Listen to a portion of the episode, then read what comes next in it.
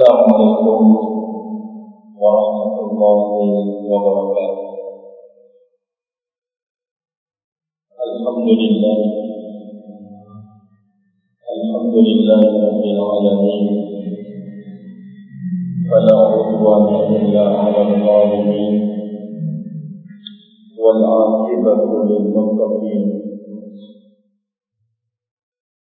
وصلاة الله وسلامه على نبينا سيد المرسلين وعلى آله المطهرين وأصحابه الطيبين. ومن تبعهم بإحسان إلى يوم الدين. فأوصي نفسي وإياكم بتقوى الله فقد فاز المتقون.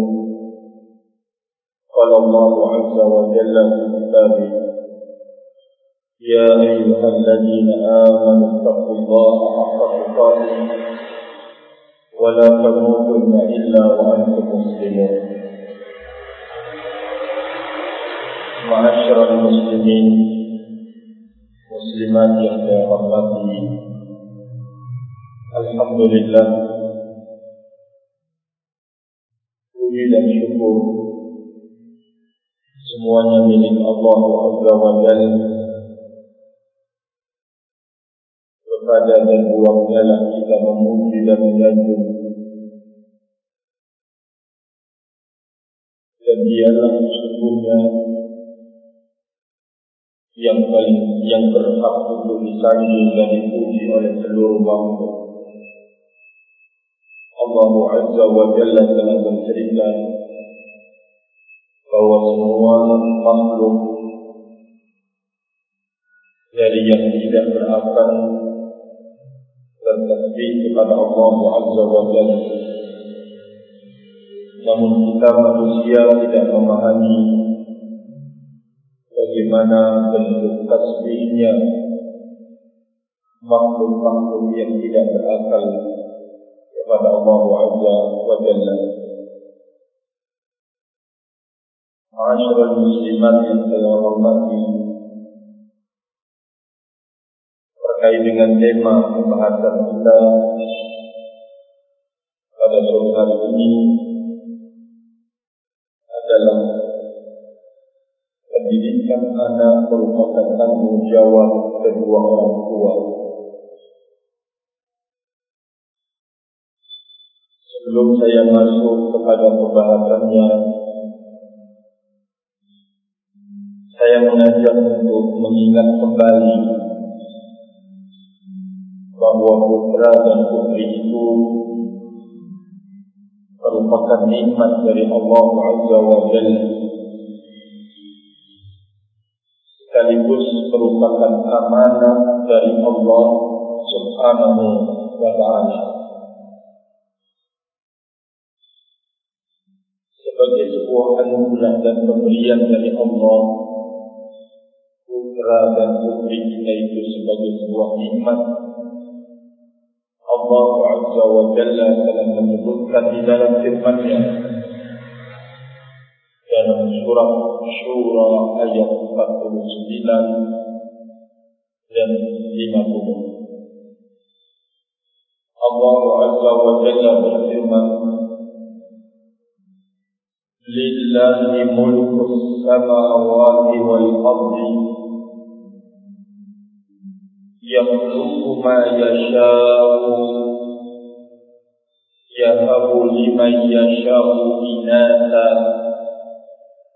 ويهب لمن يشاء ذكورا. أو يزوجهم ذكرانا وإناثا ويجعل من يشاء عقيما إنه عليم قدير. Dalam surat Syura ayat 49 50 Allah Azza wa Jalla berfirman Milik Allah Azza wa Jalla kerajaan di langit dan di bumi. Ya Allah Azza wa Jalla menciptakan apa yang dikehendakinya memberikan kepada siapa yang dikehendakinya inatan anak-anak perempuan. Allah Azza wa Jalla yang memberikan kepada siapa yang dikehendakinya anak perempuan dan memberikan pula kepada siapa yang dikehendakinya anak laki-laki. Dan juga Allah Azza wa Jalla dengan kehendaknya memberikan anak campur laki-laki dan juga perempuan. Dan Allah Azza wa Jalla menjadikan siapa yang dikehendakinya itu mandul tidak bisa atau dari wanitanya. Innahu alimun qadir. Sesungguhnya dia Allah Azza wa Jalla Maha mengetahui dan Maha berkuasa. Ayat ini segenap saudaraku muslimin dan muslimat. Berbicara tentang sebuah keputusan dalam anugerah Allah Azza wa Jalla. Dialah pemutus mutlak. Memberikan kepada seseorang anak perempuan. Memberikan kepada seseorang ibu, bapa, anak lelaki tidak ada perempuannya. Atau campur antara laki-laki dan perempuan. Bahkan di antara yang diputuskan dan dikendaki oleh Allah Azza wa Jalla seseorang yang tidak bisa memiliki keturunan. Yang diistilahkan dengan bahasa kita adalah mandul Ibnu Atiyah rahimahullah taala menyebutkan di dalam ayat ini kata beliau Allah Azza wa Jalla memulai menyebutkan dari anak wanita ini sebagai sebuah tasyrifan lahun sebagai sebuah pemuliaan dari Allah Jalla wa Ala terhadap mereka anak-anak wanita tersebut. Agar barakallahu fikum kata beliau agar benar-benar wanita itu mendapatkan perhatian yang tinggi dan kebaikan yang baik yang padan kepada mereka kata Imam Ibnu Atiyah di dalam tafsirnya. Al-Muharrar Al-Wajib. Sekali lagi di dalam ayat ini Allah Azza wa Jalla memulai dengan menyebutkan anak-anak wanita bahwa Allah Azza wa Jalla memberikan anugerah kepada siapa yang dikehendakinya anak-anak perempuan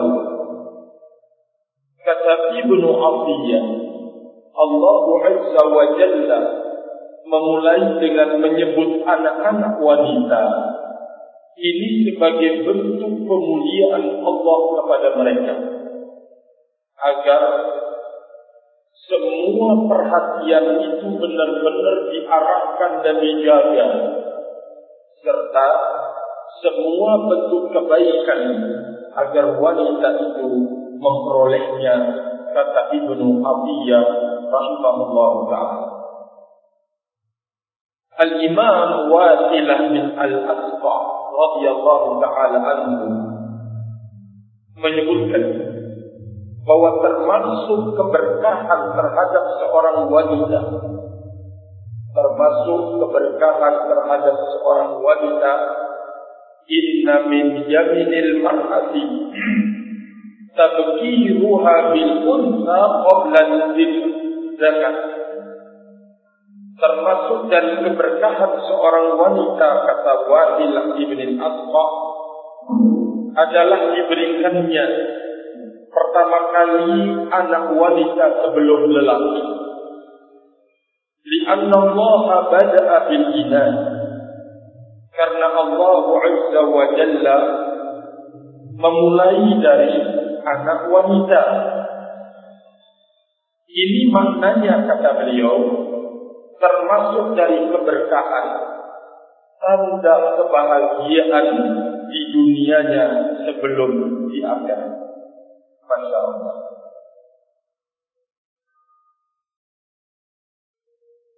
Al-Imam Ishaq bin Bishr rahimahullah ta'ala mengatakan ayat ini turun kepada para nabi secara khusus lalu setelah itu bersifat umum. Apa itu? Nabi Lut alaihi salatu wassalam diberikan anak keturunan semuanya putri tidak ada lelaki Nabi Ibrahim alaihi salatu wassalam diberikan semua anaknya lelaki. Tidak ada terlahir anak perempuan. Nabi kita Muhammad sallallahu alaihi wasallam terlahir darinya laki-laki dan juga perempuan. Yang keempat, di antara nabi itu ada yang aktif, tidak memiliki anak keturunan, seperti Yahya bin Zakaria. Nabi Yahya bin Zakaria tidak memiliki keturunan yang disebut istilahnya adalah akima kalau kita terjemahkan mandul barakallahu Ayat ini berbicara tentang khusus para nabi namun menjadi ayat yang bersifat umum. Allah Azza wa Jalla memutuskan hak mutlak baginya siapa yang diberikan anak-anak wanita atau anak lelaki saja atau campur dari keduanya laki dan perempuan atau bahkan keputusan Allah lah seseorang itu tidak bisa memiliki keturunan. Ma'asyarah al-ahibbah rahimani wa rahimahumullah ini terkait dengan anak keturunan itu merupakan sebuah anugerah dari Allah Azza wa Jalla. Pembahasan yang berikutnya sebagai mukaddimah untuk mengerti atau untuk membahas bahawa anak itu merupakan sebuah amanah dari Allah Azza wa Jalla. Anak itu merupakan perhiasan hidup. Allah Azza wa Jalla menyebutkan Al-Mal dalam surat Al-Kahfi ayat 46 Allah Azza wa Jalla mengatakan Al-Mal wal-Banun Zinatul hayati dunia Salihat Khairun inda Rabbika thawaban Wa khairun amalan Kata beliau harta dan anak itu merupakan sebuah perhiasan kehidupan dunia. Al-mal wal banun zinatul hayat dunia. Harta dan anak keturunan itu merupakan perhiasan kehidupan dunia. Maka amalan kebajikan yang engkau tinggalkan itu lebih baik di sisi roh engkau nilai dan ganjarannya dan terbaik cita-cita dan angan-angan yaitu menabung kebaikan-kebaikan dan kebaikan yang menjadi pelajaran kita yang berharga di dalam ayat ini Allah Azza wa Jalla menyebutkan bahwa anak keturunan itu merupakan sebuah perhiasan hidup di dunia ini. Di dalam surat Al-Imran ayat 14 Allah Azza wa Jalla juga menyebutkan Sujina linnasi hubbu minan nisa'i wal banin Sudah diperhias bagi manusia. Sudah diperhias bagi kehidupan manusia. Kecintaan kepada syahwat wanita dan juga anak kata beliau kata Allah Azza wa Jalla di dalam firman-Nya setelah kita mengetahui bahwa termasuk dari syahwat dunia yang diharapkan dan diinginkan oleh masing-masing manusia adalah memiliki keturunan laki-laki ataupun wanita. Maka ini termasuk dalam perhiasan hidup duniawinya. Pembahasan yang ketiga, anak keturunan itu akan bisa menjadi fitnah ujian di dalam hidup kita bahkan menyebabkan kita terjatuh di dalam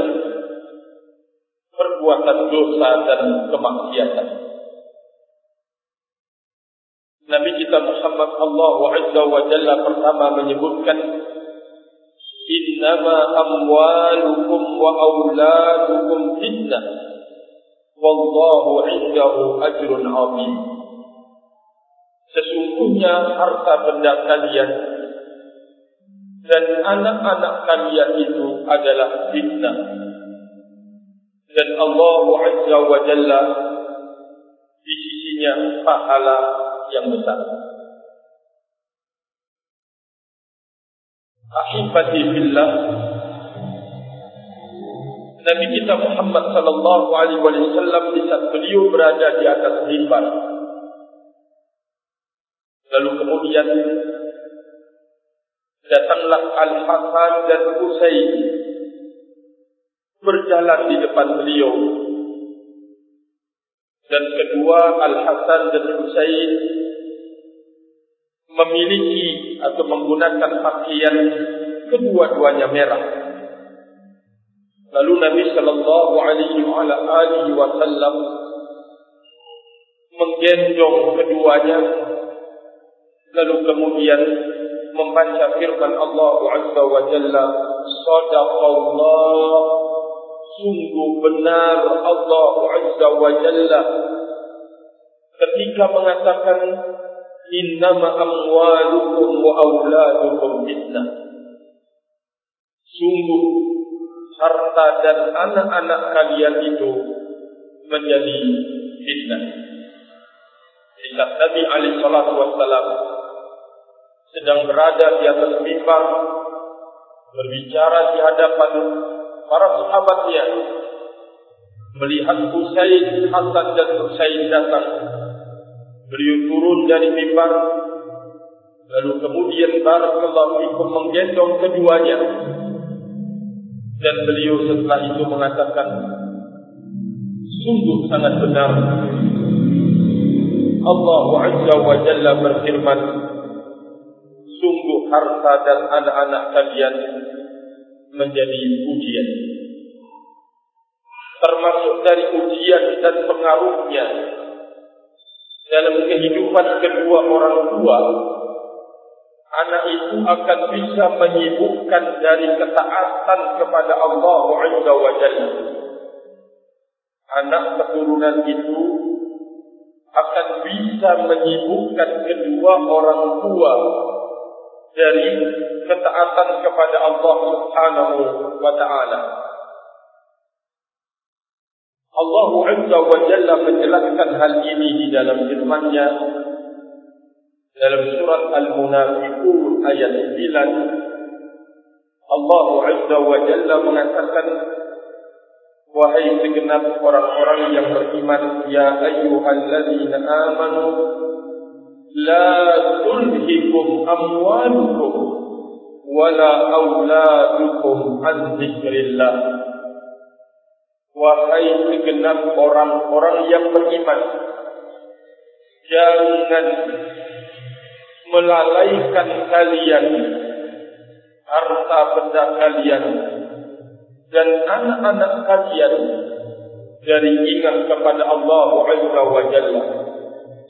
Wahai segenap orang-orang yang beriman, janganlah melalaikan kalian harta harta benda kalian dan anak keturunan kalian dari mengingat kepada Allah Subhanahu wa taala. Wa man yaf'al dhalika fa ulaika khasirun. Barang siapa yang melakukan demikian maka mereka lah termasuk orang-orang yang merugi. Orang terlalaikan dari beribadah kepada Allah karena harta bendanya ini termasuk kerugian yang sangat fatal dalam hidup seorang muslim muslimah. Dan termasuk kerugian yang besar kalau anak keturunannya itu melalaikan dia dari berzikir atau ingat kepada Allah Subhanahu wa taala. Terkadang barakallahu fikum kedua orang tua kebablasan di dalam melung mengungkapkan kasih dan sayangnya kepada anaknya. Contoh, dia mengajak ke tempat hiburan atau main-main sampai kemudian luput dari solatnya atau mungkin terlambat dari solat berjamaahnya atau mungkin di tempat itu dia harus melakukan dosa dan kemaksiatan. Di saat kedua orang tua ingin menuangkan rasa kasih sayangnya. Atau karena mengungkapkan kasih dan sayangnya kepada anak melampaui batas memberikan sesuatu di dalam hidup anak ini yang akan merusak agama anak tersebut. Yang akan menghancurkan akhiratnya. Yang akan melalaikan anak dari beribadah kepada Allah Azza wa Jalla. Maka ini adalah termasuk dalam hal yang harta benda dan anak itu telah melalaikan kita dari Allah Subhanahu wa taala. Sungguh kerugian yang sangat berat dan hebat. Kerugian yang sangat fatal di saat harta benda dan anak-anak kita melalaikan kita dari Tuhan di hadapan Allah Azza wa Jalla. Termasuk juga firman Allah Azza wa Jalla. Ya ayyuhalladzina amanu Inna min azwajikum wa auladikum aduwwan lakum fahdharuhu Di dalam surah At-Taghabun ayat 14 Allah Azza wa Jalla mengatakan Wahai segenap orang-orang yang beriman Sesungguhnya dari istri kalian itu dan anak kalian itu ada yang menjadi musuh. Allah Azza wa Jalla memanggil mereka-mereka yang beriman karena orang-orang yang berimanlah yang punya konsekuensi dalam hidupnya untuk berhati-hati berjaga-jaga dengan imannya kepada Allah.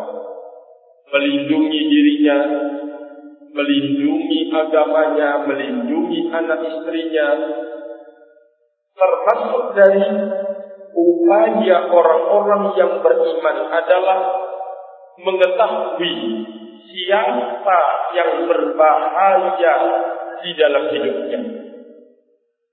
Mengetahui siapa yang berbahaya di dalam hidupnya.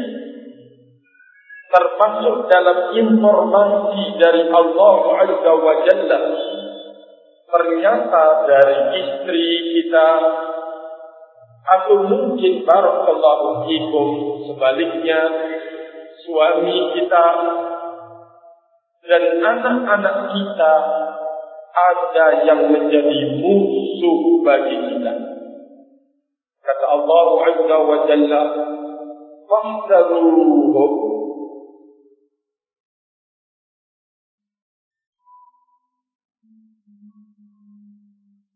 Maka berhati-hatilah kalian kata Allah Azza wa Jalla. Berhati-hatilah kalian. Jangan sampai istri anda itu menjadi musuh. Bagaimana istri kok bisa menjadi musuh? Ma'asyiral muslimat yang saya hormati. Yaitu istri yang selalu menjadikan sang suami itu berani untuk bermaksiat kepada Allah. Berani menjadikan atau menjadikan sang suaminya itu berani untuk bermaksiat kepada Allah Azza wa Atau sebaliknya, seorang suami menanamkan keberanian pada jiwa istri menantang Allah Azza wa Bermaksiat kepada Allah Subhanahu wa taala hingga tidak sedikit kita menjumpai ada sang suami mengancam istrinya untuk melakukan ketaatan dan kebaikan. Barakallahu fikum. Demikian juga sebaliknya ada istri yang tidak suka suaminya itu taat kepada Allah Azza wa Jalla. Ada seorang suami atau istri tidak menyukai jikalau suaminya itu tekun ke masjid menghadiri sholat berjamaah setelah dia penuhi tugas-tugasnya sebagai seorang barakallahu fikum istri atau sebagai seorang suami memberikan nafkah kepadanya. Namun sang istri ini menuntut selalu yang lebih kepada suaminya. Sampai kemudian suaminya harus terjatuh di dalam bermaksiat kepada Allah Subhanahu wa taala. Maka segenap saudara kaum muslimin yang kau hormati seorang istri akan bisa menjadi musuh pada suaminya yang taat atau sebaliknya seorang suami akan bisa menjadi musuh terhadap istrinya yang taat. Orang yang beriman kepada Allah Azza wa Jalla selalu dalam kondisi berjaga-jaga, selalu dalam kondisi bangun. Jangan sampai istri yang menemani dia menjadi musuhnya sesungguhnya. Atau anak-anak yang dia miliki akan menjadi musuhnya. Oleh karena itu Allah Azza wa Jalla mengingatkan kepada kita berhati-hatilah engkau kata beliau barakallahu fikum. Kata Allah Azza wa Jalla berhati-hatilah engkau dari musuh tersebut Ma'asyiral muslimah yang saya hormati. Sungguh kita sudah berbicara pada pertemuan yang lewat terkait dengan upaya agar bisa membebaskan diri dari istri yang menjadi musuh atau suami yang menjadi musuh. Sudah kita sebutkan pada pertemuan yang telah lewat, pertemuan-pertemuan yang telah lewat, termasuk dari upaya untuk kita bisa bebas dari seorang istri musuh kita atau seorang suami menjadi musuh kita pertama kali sebelum kita melangkah dalam membangun rumah tangga harus mengetahui dan mencari tahu tentang kebaikan dan kesolehan suami kita atau istri kita. Sekarang kita akan berbicara tentang upaya usaha membebaskan diri kita agar anak-anak kita itu tidak menjadi musuh di belakang hari terhadap diri kita sendiri. Kita sebagai kedua orang tua, maka pertama kali upaya dan usaha yang harus kita lakukan adalah merasa bahwa kita ini melalui anak-anak kita sedang memikul amanat dari Allah Azza wa Jalla. Sebagai amanat atau amanat dari Allah Subhanahu wa taala kita dituntut untuk menjadi orang yang amanah. Kita dituntut untuk menjadi orang yang amanah di dalam membawa dan memikul amanat dari Allah Subhanahu wa taala. Termasuk dari upaya yang dilakukan oleh para nabi dan rasul agar menjadi orang yang amanah di belakang hari dan tidak kemudian anak-anak itu menjadi musuh di dalam hidupnya yaitu selalu berdoa kepada Allah Azza wa Jalla untuk mendapatkan keturunan yang saleh dan salih. Upaya dari diri kita sebagai kedua orang tua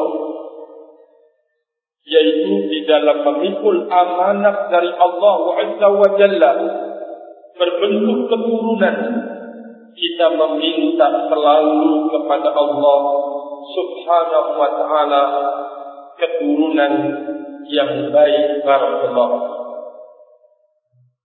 Inilah yang dilakukan oleh para nabi dan rasul di dalam doa-doa mereka. Seperti yang disebutkan oleh Allah Azza wa Jalla tentang doanya Nabi Zakaria. Apa kata beliau berdoa kepada Allah Subhanahu wa taala? Rabbi habli min ladunka dzurriyyatan thayyibatan wahai Rabbku anugerahkan kepadaku dari sisimu keturunan yang baik dan bagus doa Nabi Zakaria kepada Allah Subhanahu wa taala untuk memperoleh keturunan yang baik. Ini langkah yang pertama kita lakukan barakallahu fikum. Baik sebelum kita memiliki keturunan atau setelah kita memiliki keturunan.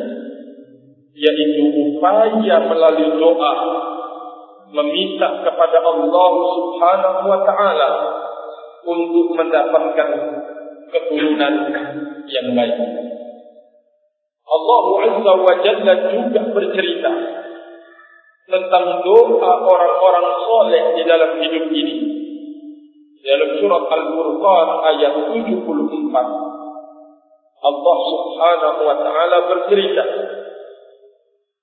والذين يقولون ربنا هب لنا من أزواجنا وذرياتنا قرة أعين واجعلنا للمتقين إماما dan orang-orang soleh berdoa kepada Allah Subhanahu wa taala wahai Rabb kami berikanlah kepada kami. Berikanlah kepada kami dari istri-istri dan anak-anak yang menjadi penyejuk mata. Waj'alna wa hayrat kami jadikanlah kami pemimpin bagi orang-orang yang bertakwa kata Allah Subhanahu wa taala termasuk dari upaya para nabi dan rasul untuk memikul amanat dari Allah berbentuk anak keturunan yaitu berdoa kepada Allah Azza wa Jal agar dianugerahkan anak keturunan. Barakallahu fikum. Namun sekarang yang menjadi persoalan adalah di saat kedua orang tua tidak merasa kalau melalui anak keturunan ini amanat dari Allah Azza wa Jalla. Tidak merasa kalau sedang memikul amanat dari Allah Azza wa Jalla. Sungguh amat sangat benar-benar kita menyaksikan hidup di tengah saudara kita. Tidak sehingga barakallahu fikum sesuatu kedua orang tua tidak ada cita-cita di dalam hidupnya. Bagaimana anaknya itu menjadi orang yang soleh, putri wanita wanita yang soleh. Yang ada adalah siap menghibur anaknya, apapun yang dimaukan dan diinginkan, siap untuk diwujudkan. Namun tidak pernah tersentuh anaknya dengan pendidikan ilmu agama sehingga kalau sekiranya kedua orang tua ini tahu di belakang hari akan menjadi sebuah bumerang besar di dalam hidupnya. Oleh karena itu, Allah Nabi kita Muhammad sallallahu alaihi wasallam Allah Azza wa Jalla melalui lisan Nabi kita Muhammad sallallahu alaihi wasallam telah memberitahukan akan nilai hidup seseorang anak Adam di saat dia menabung di dalam hidupnya dengan anak keturunan yang soleh. Allah Azza wa Jalla menyebutkan melalui lisan Nabi Muhammad sallallahu alaihi wasallam kata beliau idza mata ibnu adam in qata'a amaluhu illa min thalath apabila anak Adam itu telah meninggal dunia laki-laki atau perempuan apabila anak Adam itu telah meninggal dunia terputus semua amalnya kecuali tiga perkara. Kecuali tiga hal. Pertama sedekah jariyah sedekah yang terus mengalir. Pahala dan nilainya. Dia terus menyedot pahala. Dari amal atau apa yang dia telah sedekahkan dalam hidup di dunia ini. Dia punya harta benda, dia sedekahkan mungkin untuk pembangunan masjid atau untuk pembangunan tempat belajar ilmu agama atau mungkin yang bisa dimanfaatkan oleh orang-orang umum maka selama dia membangun sedekah itu dengan jalan yang tepat dan benar melalui harta yang halal insya Allah akan bisa menjadi amal jariahnya kelak di sisi Allah Azza wa Jalla. Dia punya tenaga untuk kemudian dia berikan untuk kemudian menjalankan roda dakwah ila Allah Azza wa Jalla. Ini termasuk amal jariah yang dia tanam. Ini yang pertama, yang kedua, ilmin yuntafa'u bihi ilmu yang diambil manfaatnya sedekah jariah kedua amalan yang tidak pernah akan putus pengiriman hasilnya adalah ilmu yang diambil manfaatnya. Seorang album ibu mengajarkan anaknya di rumah. Sebelum makan, sebelum minum membaca bismillah. Terus diulang-ulang, diulang-ulang, diulang-ulang sampai anak itu kemudian menjadi amalannya sebelum makan dan sebelum minum atau amalan-amalan yang lain. Membukanya dengan bismillah. Maka ini adalah pelajaran ilmu yang akan bisa diambil manfaatnya kelak. Seorang um, seorang ibu. Atau seorang bapak mengajarkan kepada putra putrinya agar jangan makan dan minum dengan tangan kiri. Karena makan dan minum dengan tangan kiri ini adalah cara makan dan minum yang sehat dia bimbing anaknya. Setiap anaknya mau mengangkat dengan tangan kiri dia ingatkan dia tegur barakallahu fikum maka ini adalah pelajaran ilmu yang bermanfaat yang akan bisa diperlihatkan nilainya kelak. Segenap saudari muslimat yang saya hormati. Demikian juga jika seorang al-ab dan seorang al-um, bapak dan ibu mengajarkan anaknya membaca Al-Quran contohnya sampai kemudian anaknya bisa membaca Al-Quranul Karim. Ini adalah ilmu yang akan bisa diambil manfaatnya kelak bisa dia berhadap menghadap Allah Azza wa Jalla. Yang ketiga, termasuk dari amalan yang punya nilai besar kelak di sisi Allah dan akan terus mengirimkan nilai kebajikan dan ketaatan di saat kedua orang tua itu telah meninggal dunia adalah anak yang soleh, wanita yang soleh, anak yang soleh, barakallahu fikum.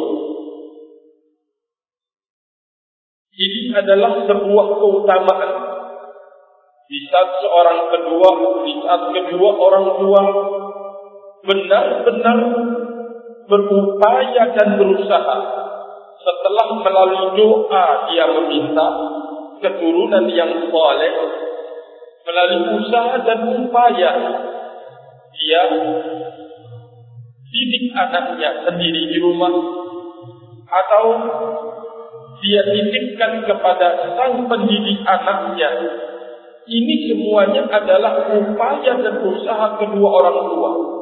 Ditanamkan, dibimbingkan, diarahkan kepada tempat yang berguna dan bermanfaat di dalam hidupnya. Maka ini adalah upaya-upaya dalam pelaksanaan amanat dari Allah Azza wa Jalla dalam bentuk anak keturunan kita. Bahkan Nabi Sallallahu Alaihi Wasallam menyebutkan, Inna rajula la turfa'u darajatuhu fil jannah. Seseorang diangkat derajatnya di dalam surga. Lalu orang tersebut mengatakan, mengatakan, Anna hada, dengan apa ini semuanya?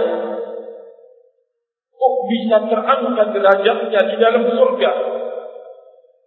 Lalu dijawab Bistighfari waladika laka. Karena Istighfar anakmu buat engkau. Kata Rasulullah alaihi salatu wassalam. Ma'asyiral muslimat yang saya hormati Mungkinkah bisa terbayang di dalam hidup anak yang di masa hidupnya tidak pernah kita berikan perhatian tentang agamanya. Kalau makan kita carikan. Kalau minum kita berikan. Namun kita tidak pernah menyentuh hidupnya dengan ilmu agama agar anak ini menjadi orang yang soleh di belakang hari.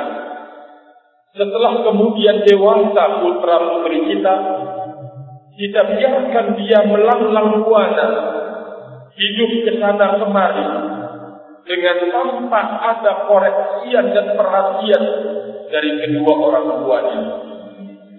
Maka ini artinya sebuah kerugian yang telah diperbuat oleh kedua orang tua. Kedua, ini artinya bahwa kedua orang tua sudah tidak mau memikul amanat Allah Azza wa Jalla dengan sebaik-baiknya. Ketiga, kerugian itu akan berdampak anaknya ini malah menjadi beban di dalam hidup kedua orang tuanya bukan sebagai pembantu peringan beban hidupnya kelak di hadapan Allah Subhanahu wa taala. Oleh karena itu, ma'asyira al-muslimat yang saya hormati bahwa tugas dan kewajiban ini kita harus benar-benar menjaga dan memperhatikannya yaitu benar-benar kita punya kebanggaan dan ada upaya untuk bisa mewujudkan buah kita anak yang soleh, laki-laki yang soleh dari keturunan kita dan putri yang soleh. Jadi dua yang telah kita sebutkan yaitu pertama melalui upaya doa yang terus kita panjatkan kepada Allah Jalla agar menganugerahkan kepada kita anak keturunan yang soleh dan solehan dan yang kedua adalah upaya untuk mewujudkan anak-anak kita ini soleh laki-laki yang soleh dan wanita-wanita yang soleh. Untuk kemudian bisa mewujudkan putra putri yang soleh dan juga solehah kita harus mengetahui bahwa kita punya tugas yang besar untuk mendidik putra putri kita tugas yang utama dan pertama ada di pundak kita adalah tugas untuk mendidik putra putri kita agar menjadi putra putri yang soleh. Kalau kedua orang tua sudah punya langkah-langkah dan upaya setelah dia berangan-angan dan bercita-cita. Lalu dia buktikan di dalam bentuk wujud nyata bahwa dia ingin menjadi pendidik di dalam hidup menjadi pendidik yang benar pendidik yang bagus pendidik yang tepat dan sesuai tuntutan pertama kali kedua orang tua juga harus punya semangat untuk belajar ilmu tentang agamanya. Kedua orang tua harus barakallahu punya semangat untuk mau belajar ilmu agamanya. Ini yang pertama. Yang kedua, jikalau ternyata kedua orang tua ini punya cita-cita dan dia telah upayakan namun dia belum punya kemampuan dan kesanggupan untuk menjadi pendidik buat anak-anaknya maka tentu kewajiban yang berikutnya dia harus mencarikan orang atau menyerahkan kepada seseorang atau menyerahkan kepada sebuah pendidikan yang akan meluruskan agamanya mengajarkan kepada putra putri itu ilmu agama maka ini adalah bagian dari upaya kedua orang tua. Kalau kedua orang tua telah melakukan seperti itu dalam upaya mendidik, barakallahu fikum, kedua orang tua tersebut telah berbuat amal soleh. Kedua orang tersebut, kedua orang tua tersebut telah berbuat amal soleh. Barakallahu fikum. Saya ingin membacakan satu hadis Nabi Sallallahu Alaihi Wasallam. Kemudian kita tutup kajian kita ini sebagai sebuah pesan dari Nabi kita Muhammad sallallahu alaihi wasallam sekaligus untuk pembuktian dan perwujudan di dalam hidup kita. Kata Nabi sallallahu alaihi wasallam, "Kullukum ra'in wa kullukum mas'ulun an ra'iyatihi." Setiap kalian adalah pemimpin dan setiap kalian akan dimintai dan ditanya tentang tata cara memimpinnya kalian. Seorang lelaki kata Rasul sallallahu alaihi wasallam menjadi pemimpin di tengah keluarganya, maka dia akan dimintai tanggung jawab tentang kepemimpinannya. Seorang wanita pemimpin di rumah suaminya, maka dia akan dimintai tanggung jawab tentang kepemimpinan itu. Termasuk di dalam bentuk kepemimpinan laki-laki, suami dan istri adalah berkewajiban untuk mendidik putra-putrinya. Seorang suami berkewajiban mendidik istri dan putra-putrinya. Maka seorang istri punya kewajiban untuk mendidik putra putri sang suami barakallahu fikum. Oleh karena itu Rasulullah alaihi salatu wassalam menyebutkan kafa bil mar'i isman cukup sebagai sebuah dosa bagi seseorang ayyudhi aman yaqutu untuk menyia-nyiakan orang yang menjadi tanggung jawabnya. Dia sia-siakan agamanya. Dia sia-siakan kesolehan putra putrinya maka ini adalah dosa dan kemaksiatan bagi seseorang suami atau istri.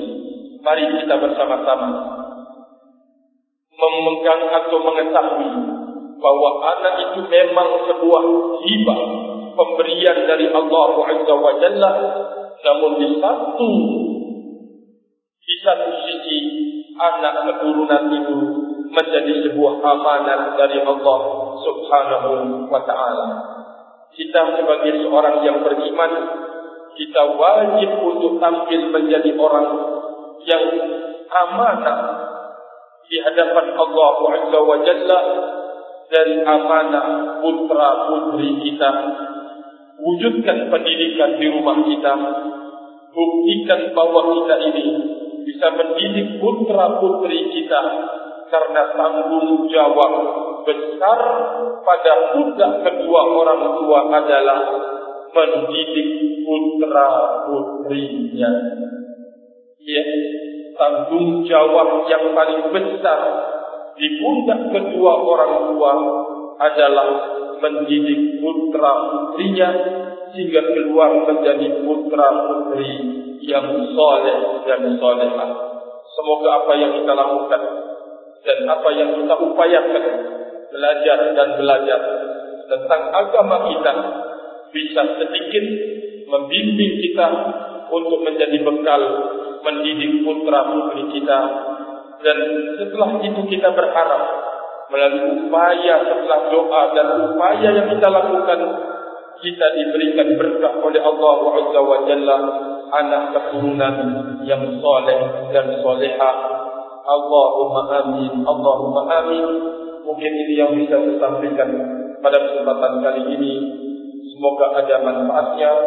Wa akhiru da'wana. Alhamdulillah. Subhanakallahumma wa bihamdika أشهد أن لا إله إلا أنت أستغفرك وأتوب إليك والسلام عليكم ورحمة الله وبركاته.